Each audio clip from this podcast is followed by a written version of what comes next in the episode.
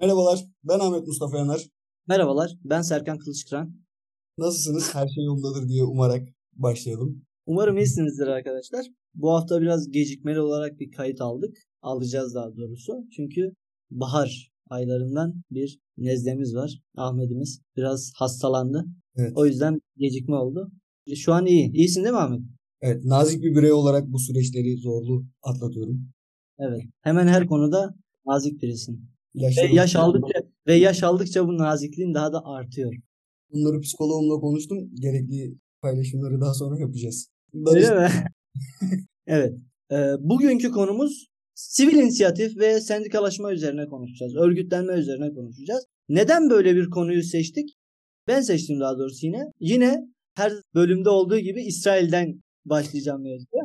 yine bahsettiğimiz üzere geçen bölümde İsrail'de bir olaylar olmuştu. Ve olay neydi? Yargı reformu adı altında bir takım düzenlemeler olacaktı. Daha sonra halk bunun kendi yararına olmadığını fark etti ve baş kaldırdı. Bir takım eylemler yaptı ve 3 gün sürdü. Bu ayaklanma 3 gün sürdü ve 3 gün sonunda hükümet, devlet bundan geri adım atmak zorunda kaldı. Şimdi burayı düşündükten sonra bir de kendi içimize dönünce içimizde bir hüsrana uğruyoruz ve bu hüsran üzerine konuşmak istiyorum. Nedir bizim bu hüsranımız? Sivil inisiyatif. Bizim halkımızda, milletimizde, şahsımızda da olabilir ki var bence. Sivil inisiyatif bizde pek olmayan bir şey. Olması gereken ama olmayan bir şey. Bugün bunun üzerine konuşacağız biraz. Peki sivil inisiyatif nedir? Ahmet sen başla istersen. Sivil inisiyatif nedir Ahmet?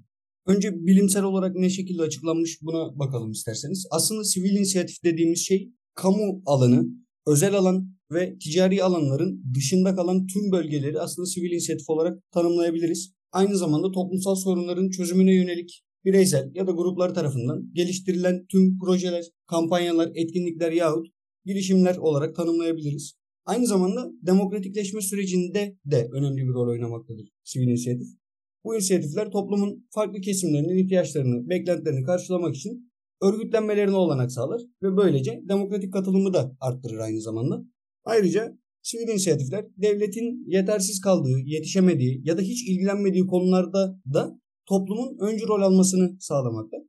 Ülkemize bakacak olursak sivil inisiyatifler birçok alanda faaliyet gösteriyor. Bunlar arasında çevre, insan hakları, kadın hakları, çocuk hakları, sağlık, eğitim, kültür ve sanat gibi konular yer almaktadır diyebiliriz.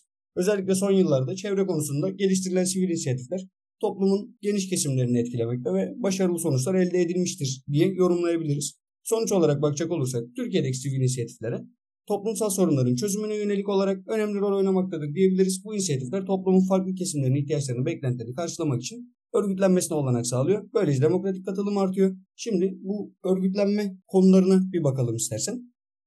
Evet şöyle bir bakalım bu sivil inisiyatife biraz da istersen. Ondan sonra örgütlenme konusuna geçelim. Hatta ikisi birbiriyle ilişkili ve ilintili şeyler. Ülkemizdeki sivil inisiyatif kavramı gelişmediğinden bahsettik. Az önce bahsettiğim üzere biraz geliştiği söylenebilir ama bu e, biraz muğlak bir alan bence. Bizim halkımızda ve milletimizde, şahsımızda bir şeyleri değiştirebilecek metaneti ve gerekliliği olabileceğini düşünmüyoruz. Düşünmüyorlar. Mesela bu sivil inisiyatif mevzusu nereden geliyor? Asıl bana nereden geliyor? Rahmetli e, Recep Yazıcıoğlu, süper vali derler ona. O bir keresinde şöyle demişti ülkemizde halkımızdaki halkımızda sivil inisiyatif yok. Yahu ülkemizdeki insanlar apartman yönetimine bile katılmak istemiyorlar. Hep bir şeyleri birilerinden bekliyorlar. Böyle olunca da ortada bir sorun var ve kim herkes birbirine attığı için o sorun hep ortada kalıyor. Kimse buna yeltenmiyor. Bu da örgütlü olmadığımız için böyle oluyor. Şimdi örgütlenme konusuna gelelim istersen. Örgütlenme bu konuda çok önemli. Şimdi neden örgütlenmek gerekli diye biraz konuşmamız lazım. Öncelikle örgüt kavramı nedir sence Ahmet? Buna kavramsal olarak bakalım istersen önce. İki farklı anlamda kullanılıyor literatürde. Bunlardan birisi iskelet yapı, planlanmış ilişkisel topluluk diyebiliriz örgüte. Diğeri de yapının oluşturulma süreci ve bu süreçte gerçekleştirilen etkinlikleri ya da örgütlenmeyi ifade etmek için kullanılıyor diyebiliriz aslında temel tanım olarak. Evet işte bu örgütlenme dediğimiz kavram işte sosyolojik ve psikolojik olarak insanlık için temel bir gelişim kaynağı. İnsanlık bir sonraki adımı atmak için buna mutlak bir şekilde ihtiyaç duyar, duymalıdır. Ki İngiliz antropolog Robin Dunbar bir teorisi vardır. Dunbar sayısı diye bir teorisi var. Buna göre Dunbar sayısı bir insanın sağlıklı olarak sürdürebileceği ilişki sayısıdır. Bu sayı 150'dir. 150 olarak belirler. Yani bir insan hayatı boyunca 150 kişi tanır ve bunlarla ilişki içerisinde olur. Bu sayı 150 kişinin üzerindeyse ve bir arada yaşamak istiyorlarsa bunlar bir şekilde mutlak bir şekilde ortak bir hikayeye, mite veyahut bir ülkeye ihtiyaç duyarlar. Bu sebepledir ki insanlık içerisinde sürekli sınıfsal ayrımlar, bu ülkelerin, bu mitlerin, bu hikayelerin farklılığından doğan sınıfsal ayrımlar ve gruplaşmalar olur. Bu sınıflar genellikle pragmatik bir yapı içerisinde oluşur. Sınıfın ortak çıkarı için fikirsel olmasa bile davranımsal olarak beraber hareket etmek onlar için yararcı olur. Bizlerin bugün bakacağı sınıf hepimizin yakinen tanıdığı ve muhtemel odur ki içinde olduğu işçi sınıfı. Bu sınıflar içerisinde ki en önemlisi işçi sınıfıdır ve maalesef ki en çok hor görülen sınıfta burasıdır. Bu dünyanın her yerinde aynı düzeyde değildir ama bizim ülkemizde bu seviye bir hayli yüksektir. Öyle diyebiliriz. Bu konuda... Türkiye üzerine biraz inmek gerekir bu konuda. Şöyle giriş yapalım istersen bu konuyu. İşçi kimdir diye bakalım istersen. İşçi çünkü söylendiği evet. zaman önce sadece herkes bir inşaat işçisini yahut bir madende çalışan işçiyi yahut tekstil fabrikasında X fabrikada Y fabrikada çalışan işçi gelir herkesin aklına. Ama işçi dediğimiz şeyin içerisine memurlar, beyaz yakalılar, mavi yakalılar, hatta cumhurbaşkanı yahut bakanlar bunların tamamı aslında işçi sınıfına dahildir deyip bu, bu anekdotu düşmeden geçmeyelim istersen. Neden bunların hepsini eşliyoruz? Çünkü birilerini, birileri için ortaya emek sarf ederler. Biz zamanında bir iş yapmıştık network marketing üzerine ikimiz veya arkadaşlarımızla. Nedir ana teması? Sen çalışmazsın, birilerinin zamanını alırsın. O zaman için onlara aslında para verirsin. İşçiler de birilerine zamanlarını satarlar. Zamanların içerisinde de emeklerini satarlar. Aynen böyle. Ülkemizdeki birkaç temelli nedensel şeylere bakalım istersen. Ülkemizde yaklaşık olarak 15 milyon işçi bulunuyor. E tabii ki bunların hepsinin farklı görüşleri, farklı yaşantıları bulunuyor. Ama hepsinin ortak bir noktası var. Yaşamak için çalışmak ve emek gücünü az önce bahsettiğim gibi zamanını satmak zorundalar. Çalıştıkları yerin bir önemi yok. Herkes, hepimiz bir ücret için çalışıyoruz, çalışıyorlar. Dertlerimiz aynı, sorunlarımız ortak. Nedir peki bunlar? Birincisi iş garantisi istiyorlar. Çünkü işsizlik açlık demek. Çalışmazsan aç kalırsın. Ülkemizde maalesef anayasal bir düzenimiz, anayasal bir haklarımız tam olarak yeterli düzeyde olmadığı için atıyorum sen bir işçisin ve çalışıyorsun. Aslında yasal olarak hakların var ama bu haklar pek uygulanmıyor. O yüzden e, iş garantisi istiyorlar bunlar. İkincisi ücret zammı istiyorlar. Niye? Çünkü yöneticiler ve diğer patronlar her gün her şeye zam yaparak zaten düşük olan ücretlerini daha da eritiyorlar. Bu patronlar dediğimiz şey Atıyorum ben bir fabrikada veyahut bir mağazada çalışıyorum. Benim patronumun yaptığı şeylerden bahsetmiyorum. Benim patronumun yaptığı zamlardan bahsetmiyorum. Patronlar dediğim genel sermaye odaklı patronların hepsinin yaptığı zamlardan bahsediyorum. Atıyorum bugün mesela baktım geçen sene bir mont almışım işte bir buçuk sene önce bir mont almışım 350 lira. Bugün denk geldi baktım 1200 lira olmuş. E benim maaşım ne kadar arttı geçen sene? Ki geçen sene maaşım yoktu şu an var ama ya olsaydı da bu kadar artmazdı. Sen biraz ekle istersen bir sonrakinde çalışma koşullarının iyileştirilmesini istemelerini ekleyebiliriz herhalde. Çünkü her yıl binlerce işçi iş kazasında ölüyor maalesef. Avrupa'da en çok iş kazası yaşayan, yaşanan ülke sorusunun cevabı hepimizin tahmin edeceği gibi Türkiye. Bu ülkedeki en ucuz şey insan yaşamı. Hatırlarsınız Şanlıurfa'da yaşanan selden sonra bakanımızın bir açıklaması vardı. Neyse kuraklık vardı iyi oldu tarzında bir söylemle devam ediyordu. Maalesef bunun örneğini Katar'dan da verebiliriz aynı şekilde. Dünya Kupası için hazırlanan statlarda yaşanan ölüm oranlarının açıklandığı bir istatistikte Katar'ın yanına hiç kimse yaklaşamamıştı. Toplum olarak hallice olsak da çok da aratmayız diye düşünüyorum. Kendi çıkarları için bahsettiğimiz patronlar kendi çıkarları için e, bardağın dolu tarafını göstermeye sürekli meyilliler. Bu şeye benziyor. Büyük bir depremimiz oldu büyük bir yıkıntı oldu ve çıkıp birilerinin artık bunu da yapmazlar herhalde diyorum ama eminim ki bunu düşünmüşlerdir, düşünüyorlardır. Çıkıp iyi oldu biz şimdi buraya inşaatlar yıkarız, müteahhitlerimiz, inşaat firmalarımız buraya evler mevler yapar diye kesinlikle biliyorum ki akıllarından düşünüyorlar bunlar. Ve bu acı bir şey. Maalesef. Evet. Ben başka bir şey daha ekleyeyim. Bunlar neler istiyorlar? Çalışma süreleri azalsın istiyorlar. Çünkü hiçbirinin sosyal yaşantısı yok. Ya bu ülkede elektrik şirketleri biraz daha kazansın. İnsanlar gece karanlığında işe gidip gece karanlığında eve dönüyorlar. Kaç senedir böyle. Gün yüzü görmemek deyimini iliklerine kadar yaşayan bir millet haline geldik. Bir ülke haline geldik. İnsanlar ailelerini göremiyorlar ya. Çok fazla fazla çalışıyorlar ve mesai ücreti dahi almıyorlar. Yani sosyalleşecekleri herhangi bir vakitleri kalmıyor. Yani burada çalışan herhangi bir kesim en aşağı 10 saat 12 saat çalışıyor. Ve bitiyor. Şehirde yaşayan insan 12 saat çalışan bir insan düşün. 2 saat yol gidiyor 2 saat yol geliyor. E zaten bu adamın yaşamaya vakti kalmıyor ki. Hele ki bu durumu İstanbul için düşünecek olursak dediğin gibi yol için sayden 2 saat az bile denebilir herhalde. Başka ne isteniyor peki? Sosyal haklar istiyorlar. Çünkü yığınla verdikleri vergilerin onlara konut, hastane, okul yahut sosyal hizmetler şeklinde dönmesini istiyorlar. Hastanede 3 ay sonrasında MR randevusu verilmesini istiyorlar. Hastaneye 3 ay sonra randevu alabilelim istemiyorlar. Ha bunu söylemişken şuna da değinmeden geçmemek lazım diye düşünüyorum. Neden 3 ay sonrasına randevu alıyorlar? Çünkü doktorlarımızı dövüyoruz. Düşünsene abi yani adam bu ülkede yani adam diye ithaf ediyorum seksist bir yaklaşım olmasın. Kişi yüzde birlik dilime girmiş. Tıp fakültesini kazanmış. 6 yıl kafayı bırakmış orada. 6 yıl. Ben bir tane bu süreci normal atlatan tıp okuyan arkadaşımı tanımıyorum. Çok zor bir süreç.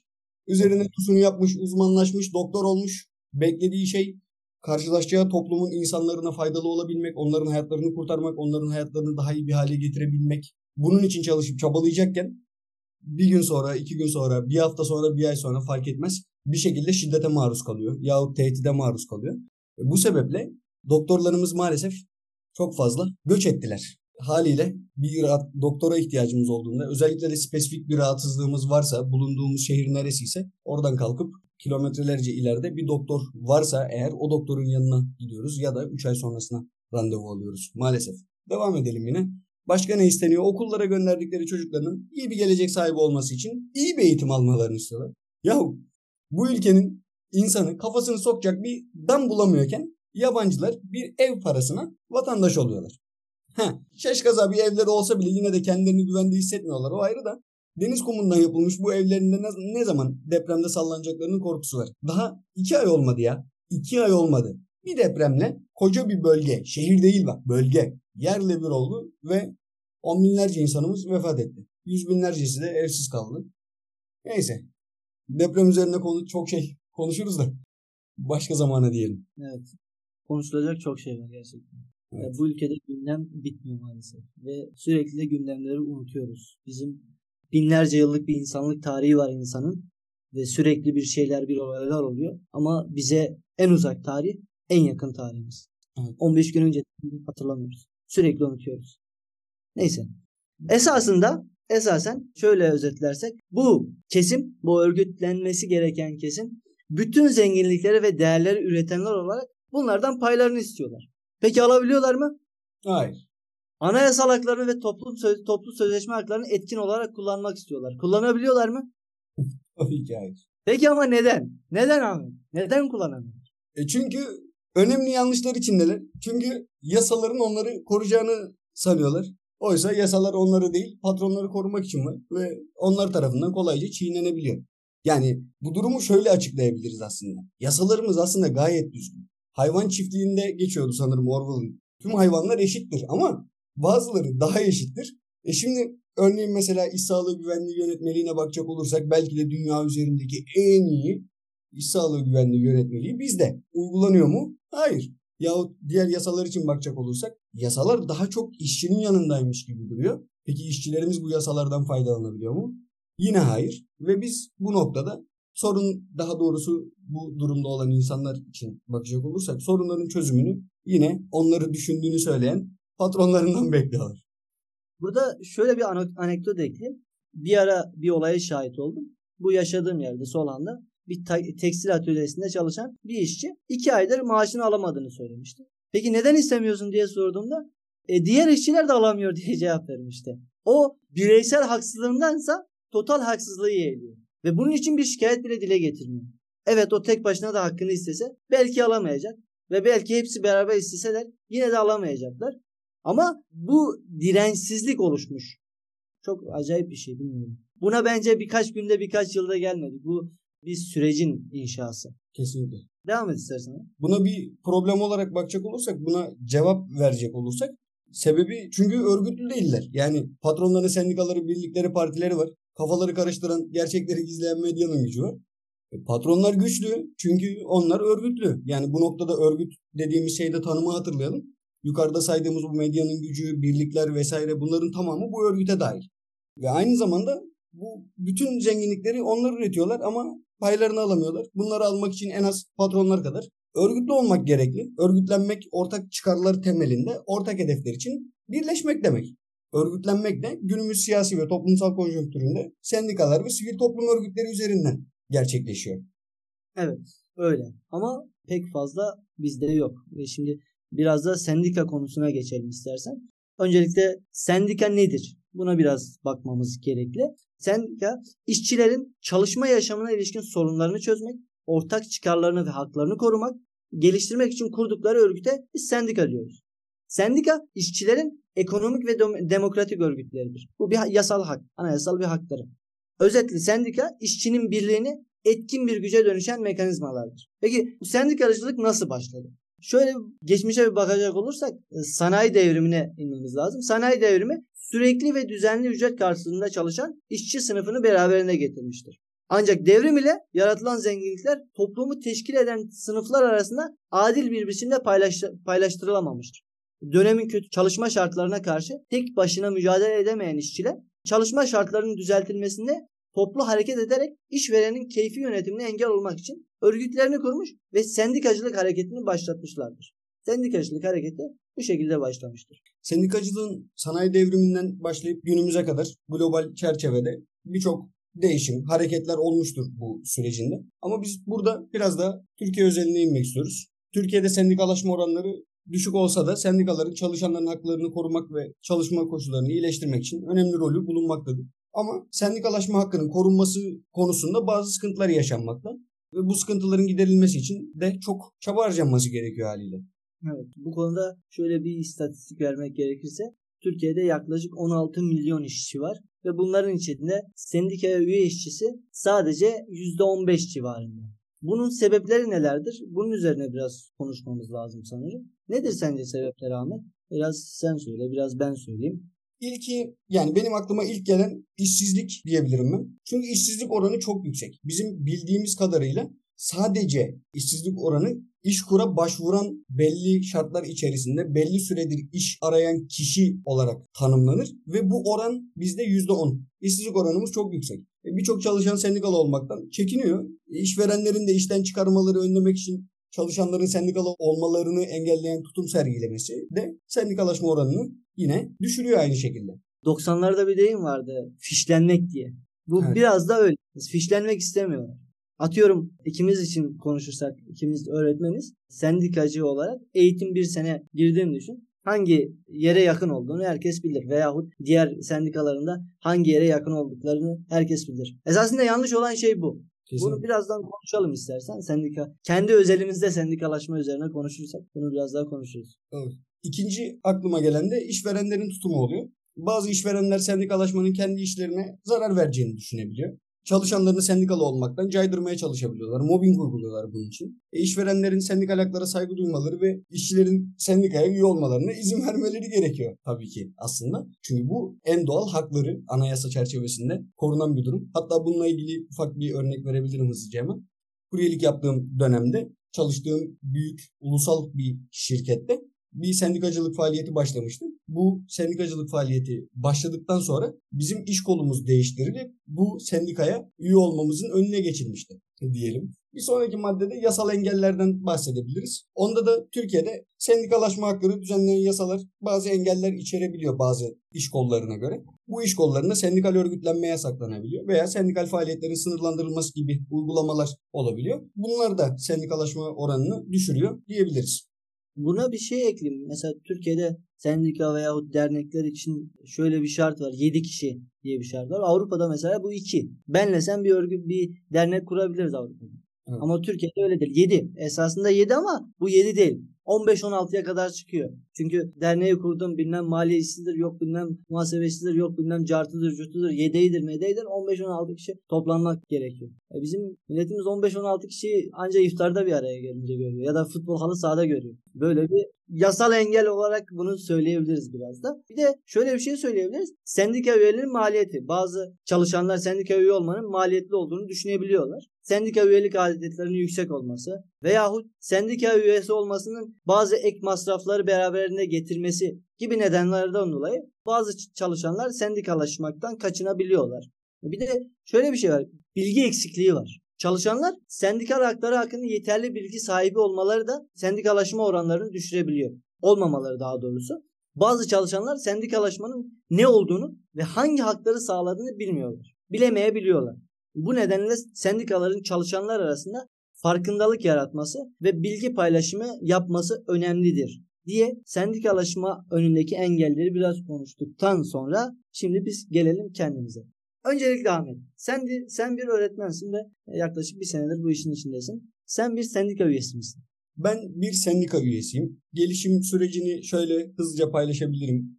Evet. İlk başta gelirken bu konuya biraz ön yargılı olarak geldim işin açıkçası. Çünkü diğer öğretmen arkadaşlarımdan duyduğum kadarıyla sendikalaşma için yani bazı taraf sendikalara geçilmesi için uygulanan mobbingler gibi şeyler yahut ülkemizdeki yahut bizim eğitim alanındaki bazı sendikaların siyasi bağlantıları olması, bazı kanatlarla ekstra yakın olması beni rahatsız eden durumlardan bir tanesiydi. Bu yüzden ben gelirken herhangi bir sendikaya dahil olmayı düşünmeyerek gelmiştim. Daha sonrasında fikrim değişti ve bir sendikaya üye oldum. Fikrini değiştiren şeyler nelerdi ama? Fikrimi değiştiren şey şuydu. Bir durum var, bir problem var ve bununla ilgili direkt olarak sonuç alabileyim ya da alamayayım önemli değil. Ama bunun için çabalamam gerekiyordu. Bir şey yapmam gerekiyordu yani. Elimden ne gelirdi bilmiyorum. Ne yapabilirdim bilmiyorum. E bunun için örgütlenmek gerekiyordu. Yahut örgütlü bir yerin içinde bulunmak gerekiyordu. E bunun için az önce birçok şekilde konuştuk. Yani bunun maddi kısmı, sosyal haklar kısmı bunlar için çalışma şartlarımızın iyileştirilmesi gerekiyor. Bu şart sadece benim için değil diğer işçiler için de aynı şekilde. Ve ben kendi yaptığım iş içerisindeki durumları bilip benim hakkımı savunabilecek bir örgütle birlikte kendimin ve diğer arkadaşlarımın, diğer meslek arkadaşlarımın da haklarını savunmak için bir sendikaya katılmam gerektiği kanaatine vardım daha sonrasında. Benim için en uygun olabileceğine inandığım, bizim için en çok çabalayacağına inandığım sendikaya üye oldum. Peki sen neden sendikalı değilsin? Ben sendikalı değilim. Neden? Çünkü sayamayacağım kadar Türkiye'de sendika var bizim iş kolumuzda ve çoğunu da bilmiyorum. Rahatsız eden şey beni bu kadar çok fazla olması. Öncelikle bu sendikaların esasen bir paradoksu. Bunlar kendi aralarında bile örgütlü değiller. Olmayacaklar. Bir iş kolumuz var ve bunların ortak çıkarları var. Ortak çıkarları için mücadele etmesi gereken ortak kişiler olması gerekiyor. Ve bu ortaklaşma olmuyor. Bu ortaklaşma olmadığı için bu bir nevi çıkar çatışmasına dönüyor sendikaların çıkar çatışmalarına ve bu sendikalar birbirine yukarıdakilere peşkeş çeken e, bir nevi topluluklar olmaya başladı ve görüyoruz bunları. Ben bunların içerisinde bir sayıdan ibaret olduğunu. Ben bana geldiler Türkiye'nin en büyük sendikalarından biri. Bana geldiler, beni çağırdılar, oturduk, çay içtik falan. Günün sonunda bana söylediği şey şu. Sen bilmem burada 300 kişi var, 310 kişi var. Sen 311. kişi olacaksın ve senin sayınla ben diğerlerine karşı üstünlüğü kurup sözümü geçireceğim. Ben bir sayı mıyım ya? Ben, ben bir sayı olduğumu kabul ettiğim an ben sivil inisiyatifimi kaybetmiş sayılırım. Ben bu sayı olduğumu kabul etmiyorum. Benim bir fikrim var ve ben bunu deklare ederim. Özgür bir şekilde deklare ederim. Bireysel olarak da deklare ederim. Bunun için onlara ihtiyacım olmadığını düşünüyorum. Ha fikrim değişebilir. Daha güzel teklifler açayım diyebilirim. Değişmesi için çabalayacağız. Değişebilir fikrim ama şu anlık herhangi bir sendikaya üye olmayı düşünmüyorum. Ama benim de yaptığım yanlış. Yanlış olduğunu biliyorum ama şu anlık böyle düşünüyorum diye söyleyebilirim. Esasında uğraştığımız şeyler bana şey gibi geliyor yani. Ülkemizde o kadar çok sorun var ki şeyde mesela Maden filminde bir e, kesit var aklıma gelir. Bu Yılmaz Güney'in çok ünlü filminde Maden filminde. Orada Tarık Akan'ın oynadığı rol işte çalışıyor. Gece vardiyasında çalışıyor. Eve gelmiş uyumuş. Akşam üzeri uyanmış tekrar işe gidiyor. Yatağından kalkıyor. Elinde sigarası. Sigara direkt uyanır uyanmaz zaten sigarasını e, yakıyor. Sigarasını içiyor. Yan tarafta da işte yatağın yanında da hepsi bir odada. Çocuklar var. Çocuk ders çalışıyor. Baba uyanır uyanmaz sigarasını falan içtikten sonra çocuk dönüyor babaya. Baba diyor Cumhuriyet ne zaman kuruldu? Baba diyor ki siktir git lan git çorabımı getir. Babamın umurunda mı ya? Babamın babanın derdi başından aşkın. Baba köpek gibi çalışıyor ve adamın tek umursadığı şey evine ekmek getirebilmek. Onun için cumhuriyetmiş, onun için ideolojilermiş, sosyalizmmiş, kapitalizmmiş, liberalizmmiş. Onun için umru, onun umrunda değil. Onun tek düşündüğü şey evine ekmek getirebilmek. Çünkü Maslow'un ihtiyaçlar hiyerarşisi piramidine baktığımız zaman en temelde fizyolojik ihtiyaçlar var. Ve bu en temeldeki şeyi karşılayabilmek için bu kadar çabalıyorken diğer düşünsel süreçlerin içine dahil olabilmeyi geçtim. Herhangi bir soruya tahammülü dahi kalmıyor. Evet. Bu da günün sonunda bu işçi sınıfı ve böyle şartlarda çalışan sınıf ile üst tabakadaki sınıf arasında John Steinbeck'in bir kitabı var Bitmeyen Kavga diye. Bitmeyen kavgaya dönüyor gerçekten. Günün sonunda bu bitmeyen kavga sürekli devam ediyor. Edecek de muhtemelen. Şöyle bir bak John Steinbeck'in kitabından küçük bir kesit okuyayım. Biz evde diye devam etti. Her zaman için bir şeylerle savaşıp dururdu. Daha çok açlıkla savaşırdı. Babam para babalarına diş bilerdi. Ben ise daha çok açlıkla uğraşırdım. Ama oldum olası yenilirdik. Artık bir süre sonra aklımıza biz hep yenileceğiz düşüncesi geldi. Babam bir köpek sürüsü karşısında köşeye sinmiş bir erkek kedi gibi kendini korurdu. Köpeklerden biri eninde sonunda onu paralayabilirdi. Ama o gene de dikleniyordu. Bu umutsuzluğu anlıyor musun? Umutsuzluk havası içinde büyüdüm. O çocuk da Maden filmini anlattığım çocuk da umutsuzluk havası içinde büyüyor. Büyüyecek. Bizler umutsuzluk havası içinde büyüdük. Ben kendi çocukluğumu hatırlıyorum. İdealist bir adam olamazdım. Şu anda belki de değilim. Belki de ideallerim çok kısa, çok küçük. Öngörülerim, görülerim çok küçük. Bu umutsuzluk içimize sinmiş. Bu umutsuzluğu yıkmamız lazım. Bunun için de biraz okumamız lazım, geliştirmemiz lazım ve sosyalleşmemiz lazım. Konuşmamız lazım. Konuşmamız lazım. Maxim Gorki'nin Ana diye bir kitabı vardı. Onu okumuştum. Okuduktan hemen sonra kitap o kadar güzel bir şekilde iletişimde kalmayı ve birbirlerine bir şey katmayı o kadar güzel bir şekilde anlatıyordu ki kitap okur okunmaz tanımadığım birine kitabı verdim. Verdim ve dedim ki bu kitabı oku ve sana neden verdiğimi anlayacaksın diye vermiştim. Direkt bunun üzerine şöyle devam edelim mi istersen aynı kitaptan? John Milton'ın Kaybolmuş Cennet şiiriyle kapatalım mı bugün? Kapatalım. Silahlanmış sayısız melekler onun saltanatından nefret etmeye kalktılar. Ben de sonsuz gücüne karşı koymaya çalıştım. Cennet ovalarındaki bitmeyen bir kavgada. Tahtını sarsa sarsa. Ne çıkar kaybedilmişse savaş? Her şey kaybolmadı ya. Yenilmez irade, karşı koyuş, ölümsüz kin ve hiçbir zaman ne sinen ne de baş eğen cesaret. Kendinize iyi bakın arkadaşlar. Bir sonraki bölümde görüşmek üzere. Bir sonraki programımızda görüşürüz.